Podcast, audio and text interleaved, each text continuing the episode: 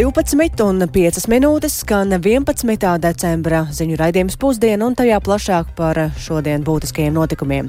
Studijā Dāca Pēkšēna, labdien! Un šodien raidījumu sākam ar Ukrainu, kur ne tikai turpinās kaujas frontē, bet Kijeva strādā arī diplomātijas jomā, meklējot atbalstu arī ārpus mūsu kontinenta.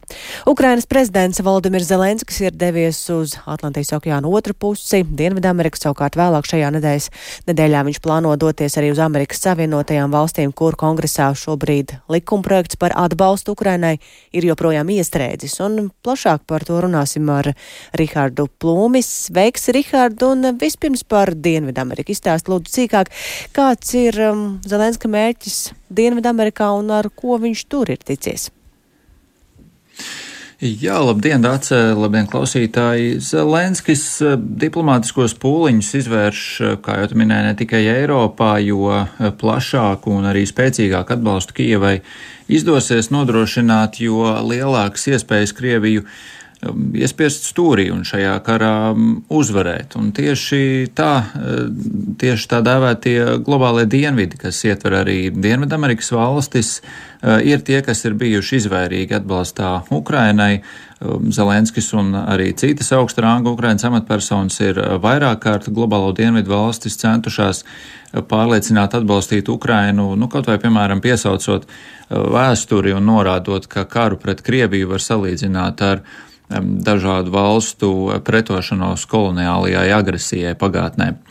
Un viņa viesošanās Dienvidamerikā bija pirmā šāda oficiālā vizīte šajā reģionā, un pirmais notikums, ko Zelenskis apmeklēja, bija Argentīnas jaunievēlētā prezidenta Javiera Milē inaugurācijas ceremonija.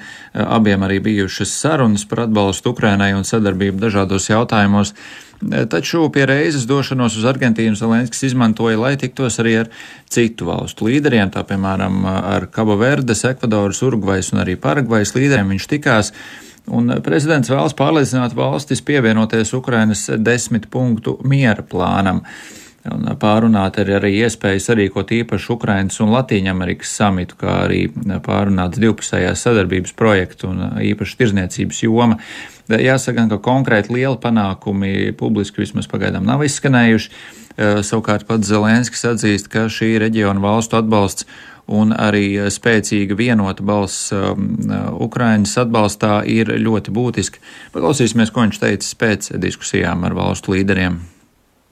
Сьогодні увесь день zustri ta peremowina Argentīni. Šodiena Argentīnā bija tikšanos un sarunu pilna. Turklāt citas Latvijas valstis šodien šeit ir dzirdējušas Ukrainas balsi. Es pārstāvēju Ukrainu jaunā Argentīnas prezidenta inaugurācijā. Es arī rīkoju savas pirmās sarunas ar Javieru.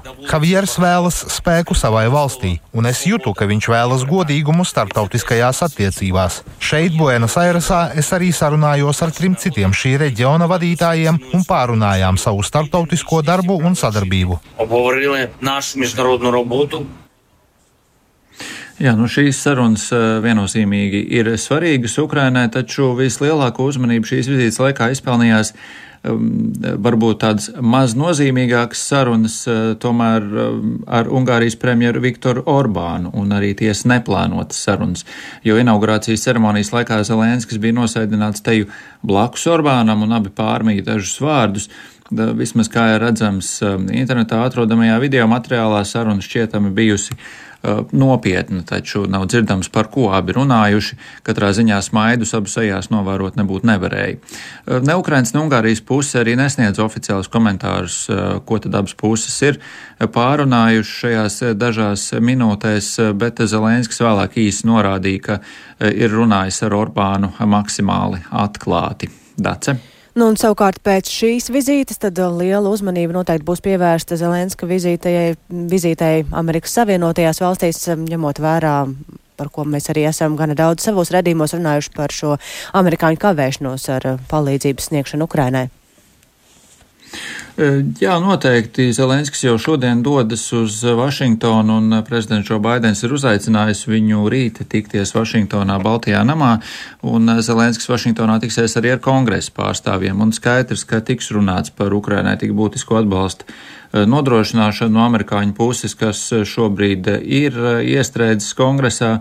Nu, pēdējās dienās gan tiek ziņots, ka Baidena administrācija esot gatava arī uz lielu, kompr lielu kompromisu, lielu piekāpšanos kritiski noskaņotajiem politiķiem, lai likuma projekts tomēr um, kurā ir ietverta palīdzība Ukrainai, tiktu uh, drīz pieņemts. Ir paredzams un izskan ziņas, ka Zelenskis varētu tikties arī ar Starptautiskā valūtas fonda vadītāju Kristalīnu Georgu Eh, Gijevu, jo varbūt tāpēc, ka sagaidāms, ka fonda valde arī šodien apstiprinās pēdējo aptuveni 900 miljonu dolāru izmaksu saistībā ar eh, Ukrainas vairāk nekā 15 eh, miljārdu dolāru lielo aizdevumu, par ko savukārt vienošanās tika panākta jau martā. Tātad gan garš viz, diplomātiskā vizīšu tūre Zelenskim, nu, nevaram zināt, varbūt arī atceļā no Amerikas Savienotajām valstīm paspēs paveisoties eh, vēl kaut kur eh, Eiropā. Eh, Dace.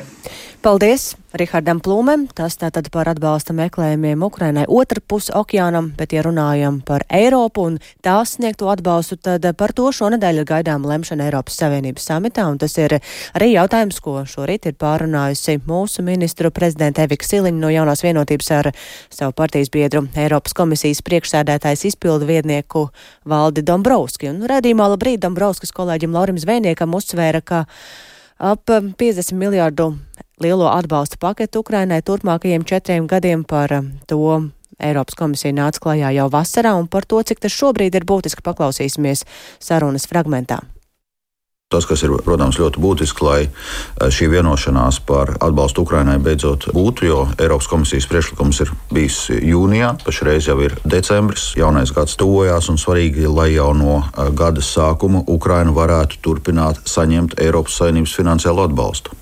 Tātad, kas šeit ir jāatrisina? Faktiski problēma ir, ka nu, Ungārija no savas puses eh, šo daudzgadu budžetu pārskata, tātad arī Ukraiņas atbalsta paketi bloķē. Nu, līdz ar to jautājums, vai šonadēļ Eiropas Savienības samitā šo situāciju izdosies atbloķēt. Jāatzīst, ka līdzīga situācija bija arī pagājušajā gadā, kad Eiropas komisija bija piedāvājusi 2023. gadam 18 miljārdu eiro makrofinansālās palīdzības programmu Ukrainai, un arī faktiski Ungārija līdz līdz pēdējiem brīdim šo programmu bloķēja. Nu, pēdējā brīdī tomēr izdevās panākt eh, vienošanos. Principā mēs jau esam sākuši skatīties arī kaut kādus eh, iespējamus nu, alternatīvus risinājumus, kādā veidā šo atbalstu varētu sniegt ar 26 dalību valstu palīdzību. Ko Ungārija vēlas pretī, lai piekāptos? Nu, redziet, Ungārija nav skaidri šo jautājumu formulējusi. Nu, ir tiešām kaut kādas spekulācijas par to, ka viņi vēlās eh, kaut kādu Eiropas Savienības finansējumu atbloķēšanu, eh, bet tur ir pilnīgi skaidri nosacījumi, kas Ungārijai ir jāizpild, lai šo finansējumu varētu atbloķēt. Starp citu, pavisam nesen Ungārija eh, dažus no šiem nosacījumiem ir izpildījusi, un tas viņiem ir atbloķējis apmēram 13 miljārdus eiro kohēzijas finansējumu. Līdz ar to tur nu, Ungārija ir skaidri skaidrs, kas ir darāms, nu, un šāda veida citu jautājumu bloķēšana te nebūtu nepalīdz. Ja neizdosies vienoties ar Ungāriju, kas tad notiek? Tādā gadījumā, protams, būs steidzami jāstrādā pie šī plāna B. Es pašreiz detaļās šajā jautājumā nevaru ieiet, jo nu, pašreiz fokus ir uz to, lai tomēr šo vienošanos panāktu. Jo nu, tas ir būtisks jautājums gan no Ukraiņas atbalsta viedokļa, ka tā ir tomēr stabila vidēji termiņa atbalsta programma četriem gadiem, ka tas nu, nav kaut kāds īstermiņa atbalsts. Un ir arī daudz citu jautājumu, kas ar šī Eiropas Savienības daudzgadu budžeta pārskatu ir jā jāatrisina. Līdz ar to nu, pašreiz ir jāfokusējas maksimāli uz to, lai šo vienošanos tomēr varētu panākt šonadēļ. Dzirdējām Eiropas komisijas priekšstādātājs izpildu vietnieku Valdi Dombrovski, bet pašmājās viļņošanās sabiedrībā ir radusies par obligātajām veselības pārbaudēm autovadītājiem un to veikšanas kārtību. Jautājums ir aktualizējies pēc kādas traģiskas avārijas, kas notika Rīgā, Turņkalnā, un konkrētajā gadījumā valsts policija saka, ka avārija, kurā, kurā gāja bojā pusaudze, visticamāk tajā pie vainas bijusi 91 gadu vecā autovadītāja neuzmanība. Konkrētajā gadījumā gan sirmgalvim esot bijusi derīga transporta līdzekļu vadītāja medicīniskā izziņa. Un vairāk par to sarunāsimies ar kolēģi Paulu Dēvicu. Sveika, Pauli, un vispirms par to, ko tad eh, policija ir noskaidrojusi? Jā, labdien! Uh, sestdien tātad Jelgavas ielā Rīgā notika šī smagā avārija, kur 91 gadu vecais vīrietis uzbrauc diviem jauniešiem un no tiem, diemžēl, viens gāja bojā. Un, jā, kā tu jau minēji, policija secina, ka avārija notikusi neuzmanības dēļ, jo autovadītājs nesot pamanījis šos gājējus, un par notikušo ir uzsākts krimināla process, un tātad policija vēl joprojām vērtē, kādi tad bija notikušie apstākļi. Taču pēc šī notikuma publiskajā telpā sākās diskusijas tieši par šīm medicīniskajām pārbaudēm autovadītājiem. Īpaši pēc tam, kad atklājas, ka šoferim bija 91 gads, un cilvēki aktualizēja jautājumu par to, vai tad pārbaudas ir pietiekami biežas un arī kvalitatīvas. Un šobrīd ir tā, ka noteikumi paredz, ka visu A un B kategoriju autovadītājiem pārbaudas ir ik pēc desmit gadiem, bet personām pēc 60 gadu vecuma ik pēc maksimums trīs gadiem. Tā tad var arī ātrāk. Un savukārt C un D kategoriju šoferiem ik pēc pieciem gadiem un arī virs 60 gadu vecuma ik pēc maksimums trīs gadiem. Drošas braukšanas skolas direktors Jānis Vanks Latvijas radio skaidro, ka viņa prāta problēma varētu būt tieši ar šo te medicīnisko pārbaušu kvalitāti. Paklausīsimies, ko viņš teica. Man ir tā sajūta, ka šī medicīniskā pārbauda, ka tā arī notiek, nu, bieži vien neatbilst tiem kritērijiem, ja tā var teikt. Nu, tur varbūt kāds ilgi pazīstams ārsts vai kā savādāk, jā, un tad tā, tā lieta tiek sakārtot kaut kādā tādā veidā. Es ceru, ka es kļūdos, bet tā, tāda sajūta man ir. Manuprāt, tomēr šajā lietā mēs varētu būt drusku stingrāki vai striktāki. Jā, Vanks tātad uzsver, ka šīm pārbaudēm ir jābūt uh, striktākām un pēc būtības, un tas attiecas, protams, arī uz uh, visu vecumu autovadītājiem Dace. Jā, nu, Paula, vai ir kāda statistika vispār, nu, kādā vecumā autovadītāji visbiežāk izraisa satiksmes negadījums, jo ir gana daudz arī runāts par tieši jaunajiem autovadītājiem, tagad par uh, vecākiem autovadītājiem? Jā, daci pieņēmumi tiešām ir daudz un dažādi, o, taču tādu datu, kas liecinātu tiešām par kādas vecuma grupas tādu izteiktāko iesaisti negadījumos, nav. Valsts policijā šādā griezumā datus neanalizē un drošās braukšanas skolā skaidro, ka arī tādu pazīmju, kas par to liecina, tiešām nav. Tomēr, protams, jāņem vērā riski, kas, piemēram, parādās senioriem dabīgi novecojot. Tāpēc arī ir šīs biežākās medicīnas pārbaudas, kuras, kā jau minēju, var veikt arī biežāk nekā reizi trīs gados. Turklāt arī autovadīšanas spējām jebkuram cilvēkam līdzi var sekot arī ģimenes ārsts. Proti, fiksējot, ka parādās kāda veselības problēma un tad arī par to runāt ar savu pacientu. Taču runājot tieši par senioriem, jāņem vērā, protams, ka var pasliktināties, piemēram, redze vai samazināties reakcijas ātrums, kas ir ļoti būtiski vadot auto, īpaši arī pie sliktiem laikapstākļiem. Un, jā, piemēram, pre, pensionāra federācijas prezidenta Aija Bārča arī Latvijas radio uzsver, ka, svarīgi ir tieši arī pašu senioru atbildība, un paklausīsimies, ko viņi teica. Es aicinātu arī seniorus padomāt, vai ļoti nepieciešams pašam sēsties pie stūres, it sevišķi šādos laika apstākļos kur jābūt maksimāli uzmanīgiem un eh, reakcija pilnīgi iespējams senioriem vairs nav tāda kā jaunībā. Jā, tas, protams, nenozīmē, ka starp senioriem nav arī gana labu šoferu un bieži vien noteikti arī labāku nekā kāds gados jaunāks šoferis. Un tātad eksperti norāda, ka tiešām būtiska atbildība ir gan pašam autovadītājam, tātad sekot līdzi savai veselībai, bet arī ārstiem gan medicīniskajās komisijās, gan arī tiem, kas strādā ikdienā ar pacientiem, ir augsta atbildība. Dats. Paldies Paulai Devicai, tik tālu par obligātajām veselības pārbaudēm autovadītājiem, īpaši vecāka gada gājuma cilvēkiem, bet nu gan par tiem, kas vēl tikai nākotnē droši vien būs autovadītāji. Vairāk nekā trīs mēnešus pirmsskolas izglītība Latvijā notiek tikai valsts valodā, un tāpēc interesējāmies, kā ar to sokas vietās, kur krievu valodīgo īpatsvars ir lielāks nekā citvietā, piemēram, Rēzeknē, un tās novadā bērni joprojām turpina runāt krievu valodā, un par to satraukti ir latviski runājošo bērnu vecāki. Bērnu dārzos savukārt turpina meklēt veidus, kā panākt, lai arī savstarpējā komunikācijā valsts valodu izmantotu aizvien vairāk, un par to vairāk Latgales studijas kolēģis Madaras Bērtiņas ierakstā.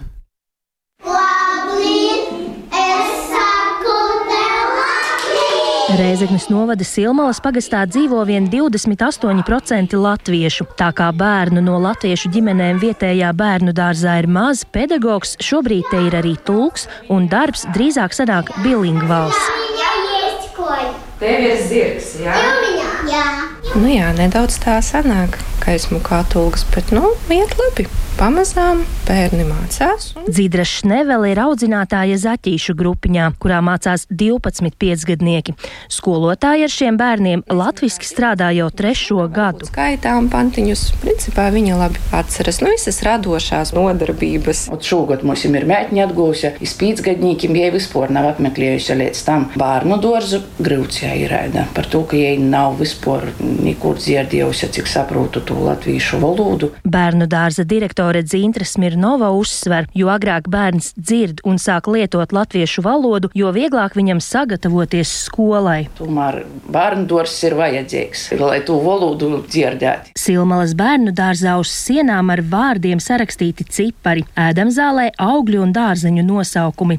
Bērni saņem arī uzlīmītes kā apbalvojumu, ja savā starpā rotaļājoties runā latviski. Progress esot jūtams. Skolotāji arī runāja, es aizraudu Э, я не понимаю, что вы говорите. Nu, man tik žēl bija, nu, ka es tā kā nesaprotu, bet ajūt šogad es to pašu nodarbību pie to puikas, jau es atbildu skolotāju latviski. Lai gan esot arī tādi vecāki, kuri principiāli atsakās runāt latviski, Silmalas bērnu dārzā satiktās mammas pārēju uz mācībām tikai valsts valodā vērtēja pozitīvi. Tas ir labi, man meita gāja uz šito dārziņu, un viņa zina gan latviešu, gan krievu. Kā jūs ikdienā latviski vai krieviski ģimenē runājat? Nu, tagad mēs jau sākam vairāk pa latviešu, tāpēc ka bērni ies uz skolu. Lai gan obligātā pirmsskolas izglītība valsts valodā ir no šī mācību gada, Rēzeknes novadā pakāpeniska pāreja sākusies jau pirms pieciem gadiem. Kā novērojis novada izglītības pārvaldes vadītājs Gunters Skudra, visgrūtāk izmaiņas pieņemt esot bijis vecākiem. Masu mēdī vai informatīvā telpa, kādas tu, teiksim, skaties multenes, un varbūt kāda ideoloģiskā politika valda noteiktajās ģimenēs. Un šī, teiksim, vecāku attieksme pret valodu arī izpaužas pašos bērnos, ko var ar neapbruņotu aci pamanīt. Līdzīgi novērojumi ir arī Rēzeknes valsts pilsētā. Turpina Rēzeknes izglītības pārvaldes vadītāja vietniece Linda Gevaļa. Vecāku lielākā daļa uztvēra pārmaiņas mierīgi un saprotoši, bet ir arī, protams, izņēmumi. Rēzeknē, kur aptuveni 40% iedzīvotāji ir krievvalodīgie, arī tā saucamajos latviešu bērnu dārzos grupās ir daļa krievvalodīgu bērnu. Tādēļ vecāki ceļ trauksmi, ka bērniem no latviešu ģimenēm esot grūtāk. Tad, kad eh, jaunajā grupiņā iedzīvojāmies, bērns brīnījās un atnākot mājās, teica, ka grupiņā laikam visi runājot franciski. Un tad man bija tādas pārdomas, vai manam bērnam ir pienākums iemācīties krievu valodu, lai labi justos un iedzīvotos, vai tomēr grupiņai būtu jārunā latviešu. Lai gan mācību darbs noris latviešu valodā, savstarpējā bērnu komunikācija daudz viet grupiņās notiek krieviski. Likumiski to nevar nedz ierobežot, nedz aizliegt, saka valsts valodas centra valodas kontrolas reģionālās nodaļas vadītājs Vilnis Kušķis. To nekad arī likums neierobežos, jo tā ir, manuprāt, pārlieku iejaukšanās eh, privātajā dzīvē. Risinājums, ko cenšas ieviest gan Rēzeknes novada, gan pilsētas izglītības iestādēs, ir ieteikuma formā aicināt runāt runāt tikai latviski. Kā stāsta skolotāja Velta Brēdiķe, līdzīga pieeja tiek piekopta Rēzeknes pirmskolas izglītības iestādē Vinnijas pūks. Mēs runājam latviski, ja viņš runā krievu valodā, mēs viņam nu, palīdzam savstarpēji runāt latviski, bet nu, bieži vien, teiksim, ja bērniņi jau kaut ko runā, nevar tīri cil cilvēcīgi tā nu, neatļaut. Ja? Bet nu, mēs cenšamies, nu, lai viņi runātu arī latviski. Izglītības jomā Reizeknas pilsētā un novadā strādājošie atzīst, mācības latviešu valodā jau no pirmsskolas vecuma bija jāievieš krietni agrāk. Cik veiksmīga būs šī pāreja, varēs redzēt vien tad, kad šī brīža pusotra gadnieki uzsāks mācības pirmajā klasē. Madara Bērtiņa, Latvijas radio studija Latgalē. Un vēl svarīgs temats, kas ir jāņem vērā ikvienam laikā, kad turpinās snikšana, ir lēns vējš un ir gaidāms arī slapjais sniegs. Problēmas ir ne tikai uz ceļiem, bet arī uz kokiem, jo no vienas puses izskatās ļoti skaisti, bet eh, no otras puses noteikti tās ir galvas, galvas sāpes meža saimniekiem, ko rada uz koku zariem sakratušais sniegs. Un šobrīd esam sazvanījušies ar Latvijas valsts mežu komunikācijas daļas vadītāju Tomasu Kotoviču. Labdien! Labdien, labdien, sveiciens! Jā, uz kokiem sakritušais sniegs um, paliek uz tiem pašiem kokiem, kļūst smagāks, vēja nav, līdz ar to arī rodas tā dēvētās snieglieces.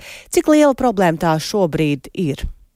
Mežos vai pie ceļiem? Šobrīd tā, Jā, šobrīd tā ir ļoti liela problēma vidzemē. Jāsāk vispār ar to, kas ir sniegliets, jo man šodien bija ar vienu kundzi diskusija par šo. Viņa teica, viņa tādu vārdu nemaz nav dzirdējusi. Es nebrīnos, ka Latvijas iedzīvotāji to nav īpaši dzirdējuši, jo sniegliece kā problēma parādās parasti reizi 15, 20 gados. Un, nu, Tātad sniegliece ir, ka sniegs ar savu svaru noliekts koku. Viņš kļūst bīstams, cilvēkam kļūst bīstams uh, visam apkārtējam, kas tur ir, un, un tam var sekot sniega lauzi, tad, kad koks tiek nolausts pavisam. Un, uh, un tas ir patiešām milzīgs risks iedzīvotājiem. Tā kā ļoti rūpīgi ejot mežā, ir jāskatās, ja jūs redzat, ka koki ir jau noliekušies, viņiem nedrīkst iet apakšā. Vislielākā problēma tā, protams, ir ap ceļiem. Eh, jo eh, šāds koks var arī nolūst un aizķērsot ceļu. Un tad nu, man jāatgādina, ka pirmkārt jau tam, kurš ir eh, ceļu pārvaldītājs, ir šajā situācijā, ja, ja koks ir nolausts, ir jānovāc ceļi. Un, piemēram, pagājušo nedēļu mēs arī Latvijas valsts ceļiem nedēļas beigās nācām palīgā vienā vietā, nu, kur viņi uh, galīgi netika galā šie, ar, ar šo darbu. Tā kā tajā brīdī arī izpalīdzējām. Bet tas ir pirmkārt ceļu pārvaldītāja pienākums, un nu, Latvijas valsts mežiem arī ir apmēram 10 000 uh, km uh, meža ceļu, uh, kurus mēs visus, protams, reizē nevaram iztīrīt. Tieši tāpēc mēs brīdinām cilvēkus, ka nevajadzētu doties šajās vietās. Tad, kad jūs redzat šos noliekšos kokus, nu, mēs viņus pamazām tīram atbilstoši tam, kur ir jāveic kaut kādi meža darbi. Tad tur arī notiek šie tīrīšana. Uh, protams, kā arī meklējot eglīti šobrīd, Daudzas ģimenes to dara. Ņemot vērā šo atļauju, viena eglīte nocirst, arī ir jāskatās un, un jāseko tam, uh, lai nav kāds bīstams koks, kas jums var uzkrist. Jā, nu, jūs teicāt jau, ka reiz 15 gados tas novērots. Kādas sekas, cik daudz koku šobrīd vispār nākas nocirst, un vai nav iespējas kaut kā citādi, vai, citādi cīnīties, nopurinot šos kokus, piemēram? Jā, nu, protams, ka mazu kociņu var nopurināt, jo tā ir problēma arī jaunaudzēs. Kritiskās situācijās tieši to arī mežonieki dara šajā brīdī, bet nu, lielu koku īsti nopurināt nevar. Šis koks ir jānovāc. Uh, nu, tas, ko mēs Latvijas valsts mežos redzam, ka arī veigāzes gada no gada ir pieauguša problēma. Un uh, es domāju, ka mums nāksies, mēs domājam par to, ka varbūt arī nedaudz pārplānot meža saimniecību gar pašām ceļa malām neturēt tik uh, vecus kokus. Šī situācija ļoti labi ir jau noregulēta ap, ele ap elektrolīnijām. Tur mums arī ir ar elektropārvades uzņēmumiem, ir arī attiecīgi līgumi, kur viņi paši uh, Eh, ļoti labi spēja noteikt bīstamos kokus, un viņi paši viņus arī novāc, un tad tie koki tur tiek atstāti, un pēc tam mēs kā meža īpašnieks viņus, viņus savācam. Bet uh, iespējams, ka ir jādomā arī par to, ka savādāk plānot meža saimniecību. Ņemot vērā šīs klimata izmaiņas, stiprākos vējus, un nu, klimata izmaiņas rada arī dažādas klimata ekstrēmas, lai ap uh, ceļiem būtu mazāk vecu koku un vairāk jaunu, spēcīgu, augošu koku, un, protams, lai šie bīstamie koki nevarētu nonākt līdz ceļiem. Jā, nu, jūs jau pieminējāt vidzemi, kur jau tiek zāģēti koki gar ceļiem, kur turpmākajās dienās varētu būt jābūt īpaši uzmanīgiem, nu, ņemot vērā tās turpmākās laika prognozes. Jā, to noteikti ļoti rādīs tie, tieši tas šī laika prognožu dinamika. Nu, mēs redzam, to, ka Rietumā Latvijā un Centrālā Latvijā eh, no, būs atkusnis. Tad jautājums, cik daudz uzsniegs pirms tā atkušņa. Atkusnim sākoties, tas sniegs sāks krist nost, bet vidzemē pašlaik tādu īstu dziļu atkusni pagaidām nesola. Uh, brīdis, nu, tur ir ļoti nopietni jāsako situācijai. Protams, ka katrs uh, Tā, tā problēma rodas, kad pirmais sniegs, kas uzkrita, bija mitrs, tad viņš piesala klāt pie koka, un tad viņam jau virsū šim pirmajam sniegam krājās nākamais sniegs. Un te jāsaprot, jo viņš vairāk krāsies, jo bīstamāk šāda situācija kļūst. Ja vien atkusnī varbūt atklāsmes ar vēju kopā nākot, tad viņš viņu nopurinās nost. Uh -huh. Tā kā mēs Jā. pašlaik redzam to, ka vidzemē vislielākā problēma pagaidām arī saglabāsies nākotnē vidzemē. Paldies um, Tomasam Kotovičam. Tātad meži ir skaisti piesnieguši, bet tomēr tas ir sniegs kļuvis smagāks un jābūt īpaši uzmanīgiem, jo veidojas sniega lieces jeb zaru liekšanās, un tāpēc jābūt uh, uzmanīgiem. Jā. Ar to izskat raidījums pusdiena. To producēja Ilza Agīnta, ieraksts montēja Ulas Grīnbergs, par labskaņu rūpējās Mārtiņš Paigls un ar jums sarunājās Dācis Pēkšēns.